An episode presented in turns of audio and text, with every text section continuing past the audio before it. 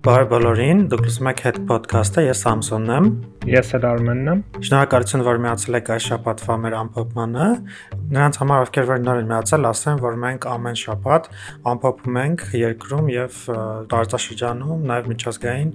կարևոր լուրերը եւ համառոտ ներկայացնում ենք ձեզ։ Սա podcast է բոլոր այն մարդկանց համար, ովքեր չեն հասնում շաբաթվա ընթացքում հետևել լուրերին եւ ամփոփ կերպով շաբաթվա վերջում այդ նորությունները մենք ներկայացնում ենք ձեզ։ Դրա համար բաժանորդագրվեք եւ լսեք մեզ podcast-ներ լսելու բոլոր հավելվածներում, օրինակ Google Podcast կամ Apple Podcast հավելվածներում, նաև շնորհակալ կլինենք, եթե տարածեք այս թողարկումը։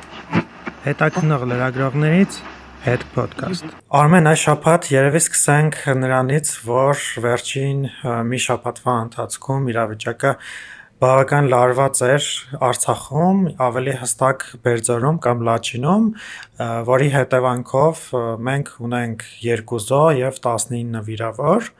Ադրբեջանը պահանջում է, որպեսզի հրատապ Հայաստանը հանձնի Լաչինի միջանցքը եւ Հայաստան-Արցախ երթևեկությունը կազմակերպվի նոր երթուղով։ Ինչպես գիտենք, այս նոր երթուղին, որի մասին մենք նախորդ հաղորդումների ժամանակ խոսել ենք, դեռևս չի ավարտվել եւ չի կառուցվել։ Հայկական կողմը ստիպված համաձայնվել է սրան եւ ստացվում է այնպես որ առաջիկա օրերին մինչեւ օգոստոսի 25-ը Ադրբեջանին կհանձնվի ոչ միայն Բերձոր քաղաքը, այլ նաեւ Սուս եւ Աղավնո գյուղերը ասենք որ նաև հիմնական ռուսական խաղապազորքերը գտնվում են Բերձոր քաղաքում իսկ Աղավնոյի Սուսի եւ Բերձորի բնակավայրից ընտանիքների տարհանման գործընթացը արդեն սկսվել է։ Մի քանի օր առաջ ԱԱՎՆ գյուղ այցելել էր Արցախի տարածքային կառավարման զարգացման նախարար Հայկ Խանմանը եւ տեղեկացրել էր, ոնց որ մարդկանց հետ խոսել էր, տեղեկացրել էր, որ նրանք ստիպված պետք է լքեն իրենց տները եւ այսպես ստացվում է, որ Ադրբեջանը այս օրին լարվածություն ստեղծելով եւ կիրառելով դրոներ, ականանետներ եւ նմնականետեր ու անընդհատ լարված բայլով իրավիճակը կարողացավ եւս շատ իրենց համար կարևոր զիջումներ ստանալ հայկական կողմից Չնայած նրան, որ գիտենք, որ Ռուսաստանի, Հայաստանի եւ Ադրբեջանի միջև ստորագրած այդ հայտարարության մեջ ասվում էր, որ Հայաստանը ժամանակ ունի մինչև 2023 թվական այդ ճանապարհը կառուցելու, որը կշրջանցի Լաչինը, վաստան ժամանակից շուտ Ադրբեջանը կարողացավ ստանալ այնինչ ուզում էր սրելով իրավիճակը եւ եւս մեկ անգամ սպառնալիքների եւ ուժի կիրառման միջոցով այսօրվա դրությամբ իրավիճակը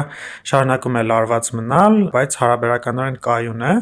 Նաեւ պետք է ասենք, որ 3-1 վիրավոր ունենք արդեն Հայաստան-Ադրբեջան սահմանին, ժամկետային զինծառայող ադրբեջանցիների կրակից վիրավորվել է եւ նրա իրավիճակը կարծես թե կայուն, այսինքն չի զոհվել, բայց ամեն դեպքում պետք է արձանագրենք, որ հայ-ադրբեջանական սահմանին էլ է բավական լարված։ Գիտես ինչն է այստեղ ամենամի քիչ աբսուրդայինը, բոլորս էլ գիտենք, որ այդ հայտարարությամբ սահմանված է նման կետ, որ պետք է նոր ճանապարհ կառուցվի, որը շրջանցելու է Բերձոր կամ Լաչին քաղաքը, բայց մինչ օրս հայկական կողմը իրոք որևէ գործողություն այս ուղությամբ չէ իրականացնել։ Այսինքն ունենք 3 տարի ժամանակ, չէ, եթե չեմ սխալվում, 3 տարի էր հայտարարության մեջ սահմանված, բայց ոչ մի պլանավորման որևէ պլանավորման, որևէ, չգիտեմ, այնտեղ նախագծման, որևէ գործողություն չէ իրականացել։ Հենց դանակը ոսկորին հասա եւ Արցախում իրավիճակը կտրուկ լարվեց օգոստոսի 1-ից սկսած։ Միանգամից հայկական կողմը հայտարարեց, որ ինքը սկսել է այդ ճանապարհի շինարարություն։ Մի, մի տեսակ абսուրդային են նաեւ հայկական կողմի իրականում գործողությունները, որովհետեւ երբ որ դու լավ գիտես, որ ինչ որ մի ժամանակ հետո դու ճանապարհ ես հանձնելու, իսկ ճանապարհ կառուցելը դա մեկ շաբաթվա կամ մեկ ամսվա այդքան երկարություն ունեցող ճանապարհ մեկ ամսվա կառուցելու գործ չէ թողնում ես դանակը հասնում է ոսկորին, նոր սկսում ես դրա մասին մտածել։ Սա հայկական ցույց է տալիս Հայաստանում կառավարման այդ որակը, էլի ամեն ինչ չի կարելի թողնել հասնի վերջին կետին, նոր փորձել կառուցել։ Համետեմ շատ ճիշտ ես նկատում, ճիշտ ես նշում, նաև Պիտի ասենք, որ նախորդ հաղորդումների ժամանակ մենք անդրադարձել ենք ճանապարհի հետ կապված այլ խնդիրների, այդ մասով անցնում է ոչ միայն ճանապարհը, այլ նաև կարևոր ինֆրաստրուկտուրա կա այդ միջանցքում, օրինակ գազատարը, եւ բարբերաբար հարցնում են կառավարությանը եւ Արցախի իշխանությանը ինչ է լինելու, բայց ոչ ոք որևէ պատասխան չունի, այսինքն կարելի է սպասել, որ որոշ ժամանակ անց նույնիսկ երբ որ այդ ճանապարհը կառուցեն, վերջացնեն, այլ խնդիրներ կլինի, ոնց որ ձմեռ օրինակ գազը փակում էին ադրբեջանցիները, հիմա նույնիսկ հնարավոր է ոչ միայն գազը փակեն, այլ նաև ինտերնետը անջատեն, այնտեղ լույսի լարերն են անցնում, ամեն դեպքում շատ անհասկանալի իրավիճակ է։ Գիտես, ինձ համար մի տեսակ абսուրդային են քննարկումները նաև համացանցում, որ այսպես ասած շատ շատերը ասենց զարմացած են թե ինչու է հայկական կողմը, ասեմ, հանձնում աղավնոն, սուսը կամ բերձորը։ Երևի շատ շատերը, չգիտեմ, մոռացել են, բայց այդ բոլոր տարածքները մտնում են Լաչինի շրջանի մեջ, իսկ Երակոմ հայտարարությամբ սահմանված էր, որ ճանապարհը կառուցելուց հետո այդ տարածքները եւս որոնցով անցնում այդ Գորիսը Ստեփանակերտին կապող ճանապարհը կամ այլ կերպ ասած Լաչինի միջանցքը, դա եւս հանձնվելու էր Ադրբեջանին։ Այստեղ այս քննարկումն է մի տեսակ ինձ համար չասեմ անհասկանալի են, բայց առնվազն անիմաստ են։ Դրանց շուրջ մեծ, այսպես ասած, հանրային բան սարքելը, դժգոհություն սարքելը, որովհետև բոլորի ոչ մեկի համար էլ գաղտնիք չէր, որ այդ գյուղերը եւ դրանք հանձնվելու են։ Այո, դա դեռ որոշվել է 2020 թվականին, հենց պատերազմից հետո, այնպես որ իսկապես զարմանալու բան չկա։ Վերադառնանք Հայաստան, ավելի շուտ լուր, որը անմիջականորեն կապված էր Արցախում վերջին օրերին տեղի ունեցող իրադարձությունների հետ։ Հայաստանի Հանրապետության վարչապետ Նիկոլ Փաշինյանը կառավարության հերթական նիստի ժամանակ խոսել էր Ադրբեջան Նախիջևանին կապող սահմանի մասին եւ փաստացի ըստիս առաջ ինքը բացահայտ այսպես ասած հայտարարեց այն պատճառը, ինչի համար ադրբեջանական կողմը վերջին օրերին այս լարվածությունը սրել էր։ Այսինքն Ադրբեջանը դարձյալ պահանջում է իրենց բարերով ասած միջանցք, որը կկապի Ադրբեջանի բուն տարածքը Նախիջևանի տարածքի հետ։ Մենք դա խուսափում ենք միջանցք անվանել, ադրբեջանցիներն դա միջանցք են անվանում։ Եվ այս միջանցքի տրամաբանությունը որն էր, ինչպես օրինակ ադրբեջանցիներն են պատկերացնում, որ այդ ճանապարհահատվածում ադրբեջանական ավտոմեքենաները ընդհանրապես չեն կանգնելու, չի լինելու որևէ մաքսային, այսպես ասած, ընթացակարգեր, եւ ճանապարհի անվտանգությունն ապահովելու են ռուսական խաղաղապահ ուժեր, այսինքն հայկական ոստիկանությունը, այլ մարմիններ, մաքսային ծառայությունը, որևէ այստեղ ազդեցություն եւ որևէ վերահսկողություն չի կարող ունենալ։ Հայկական կողմը կարծես թե այս սցենարից մաքսիմալ կերպով փորձում է խուսափել եւ Փաշինյանը կառավարության նիստի ժամանակ հայտարարում է, որ Ադրբեջանը կարող է օգտագործել Հայաստան մտնող ցանկացած ճանապարհ իր երթևեկությունը, իր անցումը կազմակերպելու համար դեպի Նախիջևան։ Եվ իր հայտարարության մեջ Փաշինյանը ասում է, որ Ադրբեջանի ամենաարևմտյան շրջանը Ղազախի շրջանն է, Ղազախի շրջանը ինքը Իջևանի ուղությամբ է եւ ըստ Փաշինյանի ադրբեջանցիները հանգիստ կարող են հատել Ղազախից Ղազախ-Իջևան սահմանը եւ շարժվել դեպի օրինակ Նախիջևան։ Իհարկե նա ասում է, որ հայկական կողմը պարտավորվում է ապահովել նրանց անվտանգ տեղաշարժը։ Բացի այդ Փաշինյանի խոսքով ադրբեջանցիները կարող են օգտագործել նաև Ղազախ-Բերդ, նրա հնարավոր է ապահովել այսպես ասած անցումը Վարդենիսի հատվածից, Սիսիանի հատվածից, Երասխում, Գորիսի հատվածն։ Այսինքն Փաշինյանի ուղերձը, այսպես ասած բացահայտ Ալիևին այն է, որ մենք մեր ճանապարհները կարող ենք այսպես ասած բացել երկու երկրների միջև սահմանը բացել եւ երկու երկրների տեղաշարժն անվել տվյալ երկրի ճանապարհային տարածքով եւ այսպես ասած միջանցքային որևէ տրամաբանություն այստեղ պարտադիր չէ գործել։ Իհարկե այս սցենարը ամենևին ձեռք չի տալիս ադրբեջանցիներին։ Ադրբեջանցիները ուզում են ճանապարհ, ուզում են այս իրենց բառերով ասած միջանցք, որտեղ իրենք որևէ կանգնելու կարիք չեն ունեն, անգամ մտածում են իրենք ճանապարհներին կառուցել նաեւ իրենց բենզալցականը, գազալցականը, որպեսզի նույնիսկ հայկական այդպես ասած այդ ծառայություններից եւս չօգտվեն։ Սա իհարկե ըստիս այն հիմնական, այսպես ասած, լարվածություններից մեկն է, որ սա այն հիմնական պատճառներից մեկն է, որի Ադրբեջանը ստեղծած վերջին օրերին Արցախում լարվածությունը։ Իրականում այս մոտեցում, այս վարկածը որոշակիորեն հաստատեց նաև Թուրքիայի նախագահ Ռեջեփ Թայիպ Էրդողանին, երբ Սոչիից վերադառնում էր Անկարա նա լրագրողներին տված ինքնաթիռում տված հարցազրույցում հայտարարեց եւս մեկ անգամ, որ Հայաստանը պետք է կատարի Երակոմ հայտարարությամբ սահմանված իր պարտավորությունը ու այնտեղ ինքը խոսում էր Արցախում լարվածության մասին, Լաչինի միջանցքի մասին, բայց ամեն դեպքում տողատակում նրա այսպես կոչված Զանգեզուրի միջանցքի հարցն էր եւ Թուրքիայի նախագահ ուղիղ ազդակ էր տալիս, որ այդ միջանցքից է կախված նաեւ հայ-թուրքական հարաբերությունների հետագա բարելավումը կամ զարգացումը։ Փաշինյանը կառավարության նիստի ժամանակ Արցախում այս լարվածության ֆոնին դժգոհել է Արցախում տեղակայված ռուս խաղապահներից եւ նրանց փաստացի մեղադրել է իրենց լիազորությունները չկատարելու մեջ։ Բնականաբար պատճառը վերջին օրերում լաչինում այդ լարվածությունն էր եւ նա ասել է, որ 2020 թվականի նոյեմբերից Ղարաբաղում տեղակայված ռուսական հապա ուժերի գործողությունները կամ դրանց գործողությունների բացակայությունը հարցեր է առաջացնում այդ խաղապահ օպերացիայի բովանդակության եւ էության հետ կապված եւ նա նշել է մի քանի դեպքեր, օրինակ Փարոխի դեպքերը եւ այլ դեպքեր, որոնց ժամանակ ռուս խաղապահները որևէ միջամտություն չեն իրականացրել, որի պատճառով հայկական կողմը ունեցել է վիրավորներ եւ զոհեր եւ գերիներ Փաշինյանը ասել է, որ այս համատեքստում անհրաժեշտ է դառնում Լեռնային Ղարաբաղի խաղապահ օպերացիայի մանրամասների ճշգրտումը եւ ի սկզբանե սա անհրաժեշտ է եղել դիմել են Ռուսաստանի Դաշնությանը այս հարցով ու Փաշինյանի խոսքով սրան խոչընդոտել է Ադրբեջանը եւ հրաժարվել է ստորագրել խաղապահ զորախմբի գործունեության մանդատը մինչդեռ Հայաստանի Հանրապետությունը այն արել է 2020 թվականի նոյեմբերին։ Սրան ի պատասխան Լավրովը հայտարարեց, որ Ռուսաստանն դեռևս Հայաստանից կոնկրետ առաջարկներ չի ստացել Լեռնային Ղարաբաղում տեղակայված ռուսական խաղապահ առաքելության մասով եւ ասել է, որ նա չի կարող որևէ հիմա գուշակություններ անել։ Սրան մեկ օր անց եղավ պատասխան Հայաստանի ԱԳՆ-ից եւ ասացին, որ դեռևս 2021 թվականի փետրվարին հայկական կողմը առաջարկներ է ներկայացրել խաղապահների արդյունավետության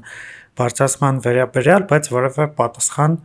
չեն ստացել։ Սրանց հետո ռուսական կողմից որևէ պատասխան չեղավ։ Միգուցե ներքին կարգով են քննարկել, միգուցե հարցը ուղղակի Ռուսաստանը որոշել է անտեսել, բայց ամեն դեպքում ամեն նոր լարվածություն Ադրբեջանի կողմից եւ խաղապահ ռուս խաղապահների ամեն անգամ անգործությունը եւ չմիջամտելը ամեն անգամ բնականաբար եւ մեր հասարակության մեջ եւ իշխող ուժի մեջ հավանաբար առաջացնում է դժգոհություն եւ կարծես թե սա առաջին անգամն էր, որ հենց Փաշինյանի միջոցով, երկրի ղեկավարի միջոցով այս դժգոհությունը այսպես բարձր ամբիոնից ասվեց եւ դրան էլ պատասխանեց Ռուսաստանի ԱԳՆ-ն Սրանց հետո իրականում խոսել են Նիկոլ Փաշինյանը եւ Պուտինը, միգուցե նրանք քննարկել են այս հարցը, հանդիպել են նաեւ Պուտինը եւ Էրդողանը, հերախոսազրույց են ունեցել նաեւ Պուտինը եւ Ալիևը։ Ամեն դեպքում այն որ Հայաստանում գող չեն ռուս խաղապահ զորքերից եւ նրանց անգործությունից շատ հստակ է։ Իսկ ոչ միայն Ղարաբաղում, ներողություն, Հայաստանում գող չեն, այլ գող չեն, այլ նաեւ Արցախում գող չեն, որովհետեւ Արցախի անդիմադիր քաղաքական ուժերը հանդիպել են ռուսական խաղապահ զորախմբի հրամանատարության հետ եւ իրենց բողոքն են արտահայտել նրանց գործունեության նկատմամբ ռուսները տեսնում են որ իրականում գող չի հայկական իրենցից եւ կարծում եմ, որ առաջիկա շրջանում, որ հարաբերականորեն կայուն կլինի իրավիճակը, ռուսները մի փոքր, ասած, իմիջի վերականգնման համար կփորձեն մաքսիմալ ջանքեր գործադրեն եւ առաջիկա ամիսները միգուցե համեմատաբար ավելի կայուն կլինի իրավիճակը վերադառնանք Հայաստանի ներքաղաքական կյանքին, Հայաստան խմբակցությունը, որ անդիմադիր խոշոր խմբակցությունն է ազգային ժողովում, չի հստակեցնում, թե աշնանային նստաշրջանին արդյոք իրենք մասնակցելու են խորհրդանի աշխատանքներին, թե ոչ մեր լրագրողի հարցին ազգային ժողովի падգամավոր Գեգամ Մանուկյանը պատասխանել է, որ իրենք վերադառնալու են խորհրդան միայն իրենց օրակարգի հարցերի շուրջ աշխատելու ուղղությամբ իսկ նրանց օրակարգի գլխավոր հարցը, ինչպես բոլորդ հիշում եք, իշխող քաղաքական ուժին իշխանությունից հեռացնելն է, եւ Գեգամ Մանուկյանը մասնավորապես նշում է, որ իրենք միայն այդ հարցով են գալիս եւ ամենևին չի մանրամասում, թե արդյոք իրենք կմասնակցեն խորհրդանի աշխատանքներին եւ ավելի նա չի էլ մանրամասնել, թե արդյոք այդ օրակարգը աշնանային նստաշրջանում ձևավորված կլինի, այսինքն բացի Փաշինյանի եւ նրա քաղաքական թիմին իշխանությունից հեռացնելը, արդյոք ընդդիմադիր այսպես ասած դաշինքը ինքը նոր հարցեր առաջ կքաշի։ Կհիշեք մոտավորապես 1 ամիս առաջ իշխանությունը նախաձեռնել էր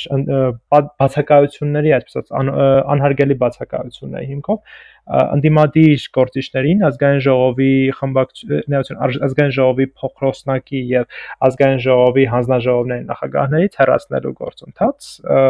իրականում այդ անդիմադիր քաղաքական գործիչների մի մասը կամավոր այդ հանձնաժողովների նախագահի պաշտոնից իրենց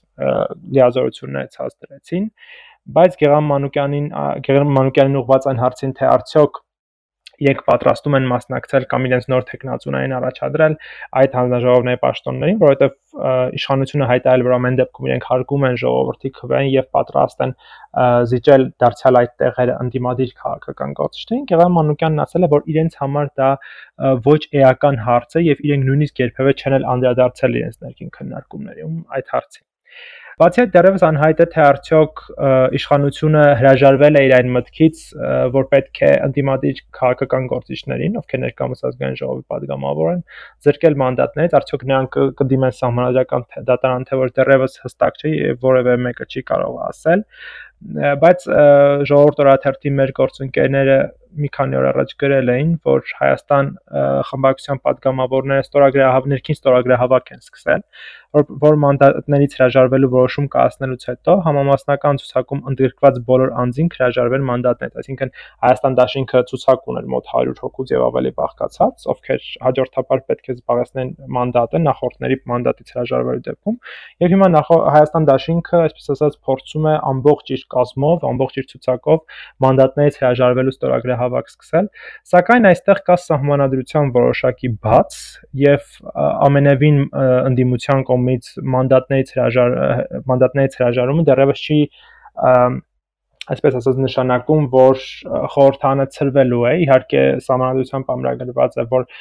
խորհրդանի առնվազն 30%-ը պետք է ընդդիմադիր ուժերը ներկայացնեն, սակայն որևէ բան չկա ոչ համանadության մեջ, ոչ ընտրական օրենսգրքում այն մասին, որ եթե, չգիտեմ, ընդդիմությունը իր մանդատները ցած դնի, արդյոք այդ պարագայում խորհրդանը կծրվի, թե չի ծրվի։ Մենք ամեն դեպքում հետևելու ենք ներքաղաքական իրավիճակին միշտ աշնանային ամիսներին քաղաքական դաշտը սկսում է, այսպես արցակուրտից հետո բավականին ակտիվ լինել եւ արդեն կշարունակենք պատմել ձեզ, թե ինչ զարգացումներ կլինեն այս ուղղությամբ։ Արմեն կարծես թե ներկայիս ընդդիմությունը շարունակում է մնալ Փաշինյանի ու քաղաքացիական պայմանագրի համար ամենալավ ընդդիմությունը այն առումով, որ հայ, ես կարծում եմ Հայաստանում քաղաքական ճգնաժամի երկու հիմնական պատճառներ կան։ Այդ մեկը բնականաբար իշխանությունների իշխանությունների հետ է կապված, երկրորդն էլ ընդդիմության հետ է կապված, այսպես մեկը մյուսին շատ լավ նվերներ են, այսպես կարելի ասել շատ ճիշտ ես ասում, մեր ընդդիմությունն ու մեր իշխանությունը լրիվ մեկը մյուսին, այսպես ասած, արժեն եւ մեկը մյուսին փող լրացնում են բոլոր հնարավոր ձևերով եւ մեկը մյուսին նաեւ վերարտադրմանն են անմիջականորեն նպաստում։ Հիմա անդրադառնանք մի հետաքրքիր բացահայտմանը, որ արել ենք հետքում եւ հրապարակել ենք, այն կապված է կրթության, գիտության, մշակույթի, սպորտի նախարարության ենթակայության տակ գտնվող պողակներից մեկին։ Այդ պողակը պատմամշակութային արգելոց թանգարանների եւ պատմական միջավայրի պահպանության ծառայությունն է։ Բոլոր նրանց համար, ովքեր ոչ չգիտեն, ասենք, որ այս պողակը պատասխանատու է թանգարանների, արգելոցների ու պատմական վայրերի պահպանման համար Հիմա այս բողոքի տնօրենի պարտականությունները կատարում է Արմեն Հովանեսյանը։ Նա մինչ այդ զբաղեցնում էր տնօրենի տեղակալի պաշտոնը։ Արմեն Հովանեսյանը բողոքի ղեկավար է նշանակվել նախկին նախարար Արայիկ Հարությունյանի օգնական այժմ ԿՊ պատգամավոր Դավիթ Դանիելյանի երաշխավորությամբ, ասենք որ Դավիթ Դանիելյանը նաև Արայիկ Հարությունյանի սանիկն է եւ ներկայիս տնօրենը Արմեն Հովանեսյանն ու Դավիթ Դանիելյանը մոտ ընկերներ են։ Այս բակում խնամի ծանոթ բարեկամ, այսպես մենք որ ասում ենք ԽՑԲ հարաբերությունները սրանով չեն ավարտվում, որովհետև Արմեն Հովանեսյանի տնօրենի պարտականությունները ստանձնելուց հետո Պոակի փոխտնօրենն է նա նշանակել պատգամավոր Դավիթ Դանիելյանի հարազատ եղբորը Հայկ Դանիելյանին, որը մինչ այդ տնօրենի խորհրդականն էր եւ մինչ այդ պաշտոնը զբաղեցնել աշխատում էր Կոտայքի մարզային ծառայությունում։ սրանով էլ չեն ավարտվում ԽՑԲ հարաբերությունները, որովհետև ՊՕԱԿ-ի ցուցարությունների եւ միջոցառումների կազմակերպման բաժնում աշխատանքի է անցնում Դավիթ Դանիելյանի կնոջ եղբայրը Արամ Անտոնյանը։ Եվ մի քանի ամիսների ընթացքում Սյունիքի մարզային ծառայության 3 պետ է փոխվում եւ այս 3 պետերն էլ կապանից են եւ դարձյալ Դավիթ Դանիելյանի մտերիմներն են։ Այսինքն տեսնում ենք. բոլորը կապված են Դավիթ Դանիելյանի հետ, այս կամ այն ձևով, մեկը տնօրենը մոտ ընկերն է, փոխտնօրենը նրա եղբայրն է, այսպես շարունակ եւ մեր լրագրողները հարցում էին ուղարկել եւ Դանիելյանին եւ Հովանեսյանին տնօրենին երկուսն էլ չեն հերքել մեր տեղեկությունները։ Պոակի տնօրենը որևէ տեղեկություն չի տրամադրել, ասելով, որ հերոզած տեղեկության մեջ կան անձնական տվյալներ, բայց եւ այնպես չի հերքել մեր բնդումները։ Եթե մեր բացահայտումները սխալ լինեին, նա բնականաբար կհերքեր, կասեր նման բան չկա։ Դանիելյանն էլ շատ ընդհանուր պատասխան է տվել եւ նորից չի հերքել տեղեկությունները։ Նաեւ հիշեցնեմ, որ Դավիթ Դանիելյանը կապանում ընտրությունների ժամանակ, թիմ ընտրությունների ժամանակ ԿՊ գլխավոր տեխնացուն էր եւ պարտություն գրեց այնտեղ։ Դավիթ Դանիելյանը ծննդով Կապանից է եւ այն ժամանակ ինքը падգանավոր էր եւ հիմա շարունակում է падգանավոր մնալ։ Այսպես տեսնում եք թե ինչպես է ԽՑԲ հարաբերությունները շարունակում ծաղկել պետական կառույցներում։ Եվ մեր ընթերցողները հաստատ կհիշեն, որ սա հետքի նմանատիպ առաջին հրաապարակումը չէ։ Դեռ նախորդ տարի մենք պատմել ենք այն մասին, որ փողվարչապետ Տիգրան Ավինյանի ընկերներն ու նրանց ընկերներն ու բարեկամները աշխատանքի են անցել ճանապարհային դեպարտամենտ ՊՕԱԿ-ում։ Մենք մանրամասը նկարագրել ենք, թե Տիգրան Ավինյանի որ ընկերներ այդտեղ զբաղեցնում, պաշտոններ, ինչ պաշտոններ էին նրանք զբաղեցնում։ Բացի այդ նաև պատմել ենք եւս մեկ նմանատիպ դեպքի մասին, այս անգամ գլխավոր հերոսը էկոնոմիկայի փոխնախարար Տիգրան Գաբրելյանն էր։ Տիգրան Գաբրելյանի ընկերներն էլ աշխատանքի էին ու բարեկամները նաև աշխատանքի էին տեղավորվել էկոնոմիկայի նախարարության վերահսկողության տակ գտնվող գյուղատնտեսության ծառայությունների կենտրոն ՊՕԱԿ-ում այնպեսի տպավորություն է, որ ԽՑԲ երևույթը Հայաստանից երբեք չի վերանա։ Այո։ Շատ հակիրճ անդրադառնանք նաև շաբաթվա ընթացքում տեղի ունեցած այլ նորություններից եւս շաբաթվա սկզբում հայտնի դարձավ, որ ռուս խաղաղապահ ուժերի ներկայացուցիչները չեն թույլատրել Ռաֆի Հովանեսյանին մուտք գործել Արցախ, որտեղ նա պետք է մասնակցեր կնունքի արարողության։ Ժառանգություն կուսակցության լրատվական ծառայությունը տեղեկացրել էր, որ ռուսական խաղաղապահ զորախմբի զինծառայողների կողմից պաշտոնապես խոչընդոտվել է Ռաֆի Հովանեսյանի մուտքը Արցախի հանրապետության տարածք Արցախի ըստ Ժառանգություն կուսակցության Արցախի հանրապետության կառավարությունը անտեղյակ եւ զարմացած է եղել նման որոշումից, փորձել են նրանք բարձաբանումներ ստանալ, հետո իրավիճակը որոշակիորեն կարգավորել, սակայն այդպես էլ ռուսական խաղապահ ուժերը թույլ չեն տվել, որ Ռաֆի Հովանեսյանը մուտք գործի Արցախ։ Ժառանգություն կուսակցությունն այն կարծիքին է, որ այստեղ կա Ադրբեջանի պահանջ եւ Ադրբեջանի պահանջով ռուսական ուժերը չեն թույլ տալիս Հովանեսյանին մուտք գործել Արցախի տարածք։ Ռաֆի Հովանեսյանն միակը չէր, որին թույլ չտվեցին Արցախ մուտք գործել։ Ես նոր հիշեցի, որ մեր գոլեգային առաջին էմի լրագրողներից Ժիրայր Վասկանյանին եւ նրա նկարանող խմբին նույնպես չեն թողել ռուս խաղապահները Արցախ մուտք գործել եւ որևէ բացատրություն չեն տրամադրել եւ առաջին էմը եւ Ժիրայր Վասկանյանը հրապարակել են կադրեր, թե ինչպես են նրանց խաղապահները դուրս հանում եւ մեքենայով տանում որ կարող եք տեսնել որևէ հստակ բացատրություն չկա սրան ամեն դեպքում շատ մտահոգող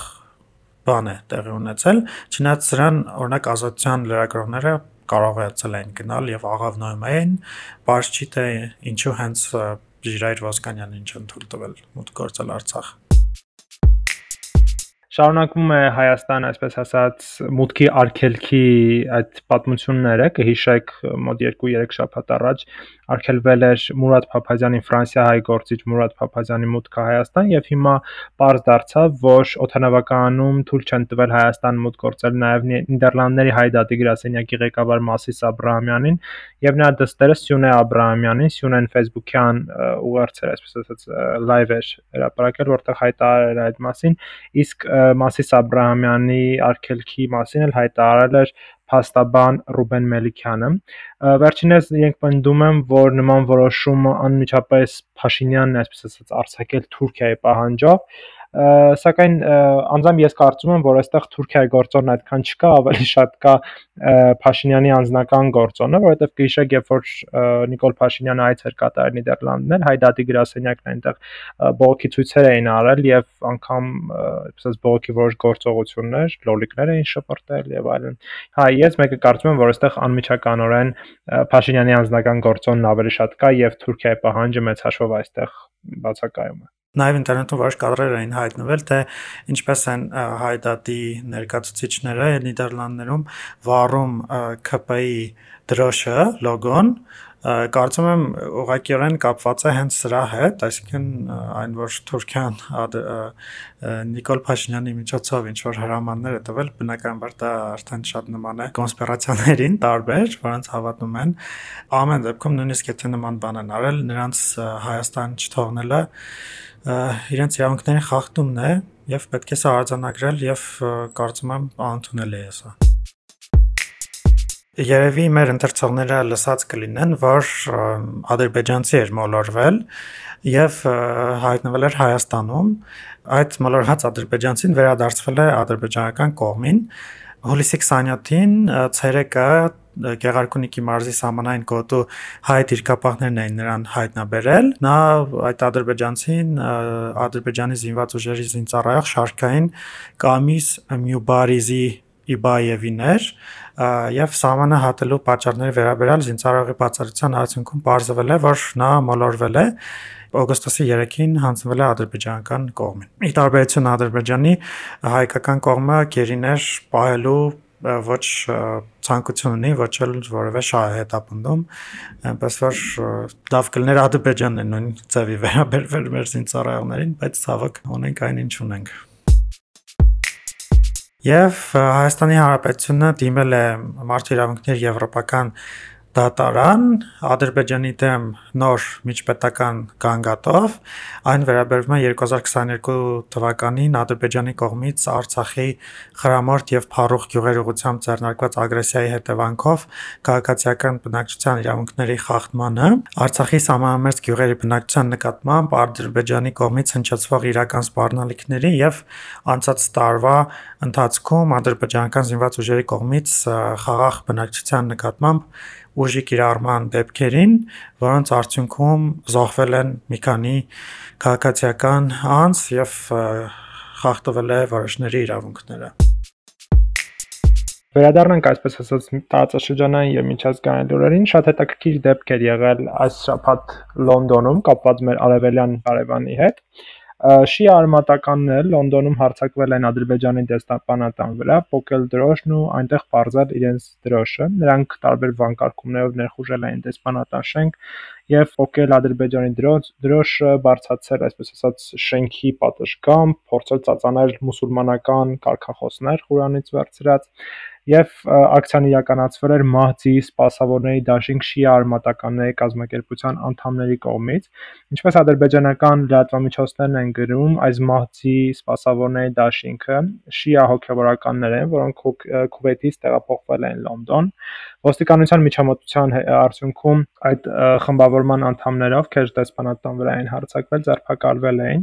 Իսկ դեսպանատան աշխատակիցները նրանց հարձակման արդյունքում չեն դուժել։ Ընդհանրապես շիաների հարցը Ադրբեջանում Ադրբեջանում միշտ այսպես օրակարգի գլխավոր խնդիրներից մեկն է։ Դուք հաստատ կհիշեք Բաքվի Նարդարան համայնքում տեղի ունեցած այսպես ասած բախումները, երբ որ ոստիկանությունը շիա արմատականների հետ էր այնտեղ բախվել, իսկ Նարդարանը շիաների այսպես ասած կոնտրոլն է ամբողջ Ադրբեջանի տարածքում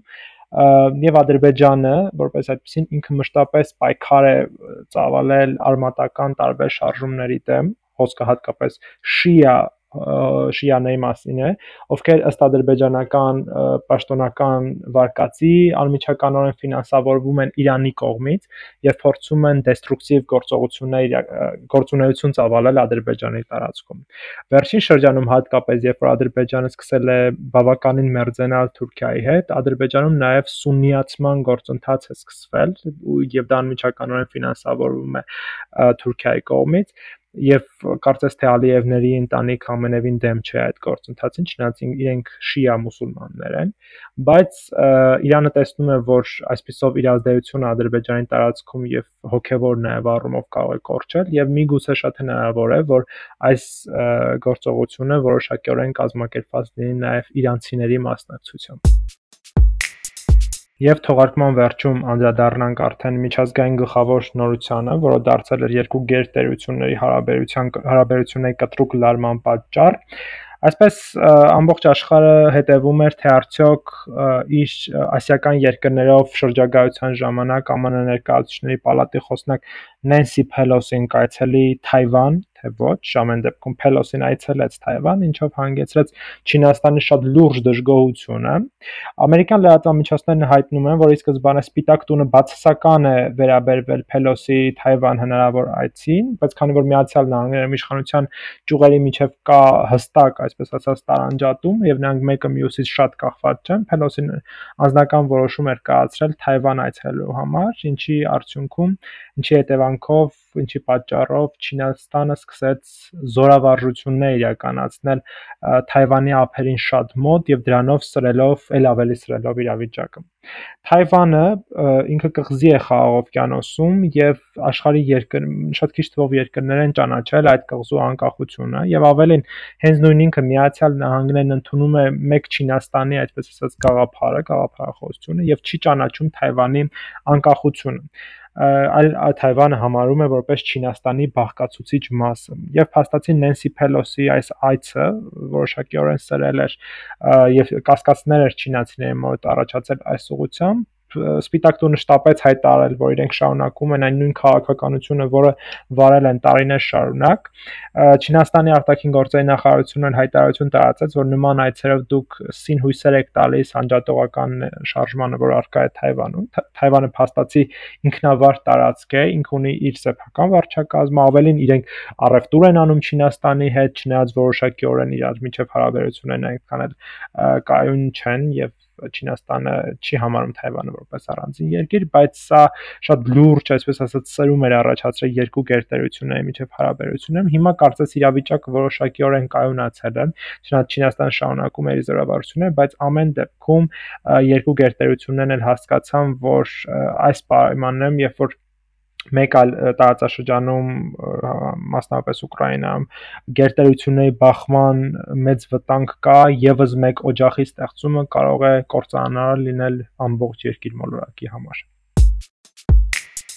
Դե ինչ շնորհակալություն հետ ոդքասթը լսելու համար։ Մենք ունենք Facebook-յան խումբ, այն կարող եք գտնել հայատար կամ լատինատար որոնելով հետ podcast, միացեք, քննարկենք այնտեղ, սպասում ենք ձեր մեկնաբանություններին եւ շատ շնորհակալ կլինենք, եթե մեզ բաժանորդագրվեք նաեւ podcast լսելով հավելվածներում, եթե ձեր հեռախոսը Android օպերացիոն համակարգով է աշխատում, ներբեռնեք Google Podcast հավելվածը, բաժանորդագրվեք եւ լսեք մեզ այնտեղ։ Եթե ունեք iPhone, iPhone-ի մեջ կա podcast հավելվածը, գտեք մեզ, բաժանորդագրվեք եւ լսեք մեզ այնտեղ։ Շնորհակալ ենք, որ վերջին 30-ից 40 րոպեներին մեզ հետ եք եւ լսում եք շփաթվա ամփոփումը։ Կհանդիպենք հաջորդ շաբաթ։ Ստեսություն։ Շնորհակալություն, հաջողություն։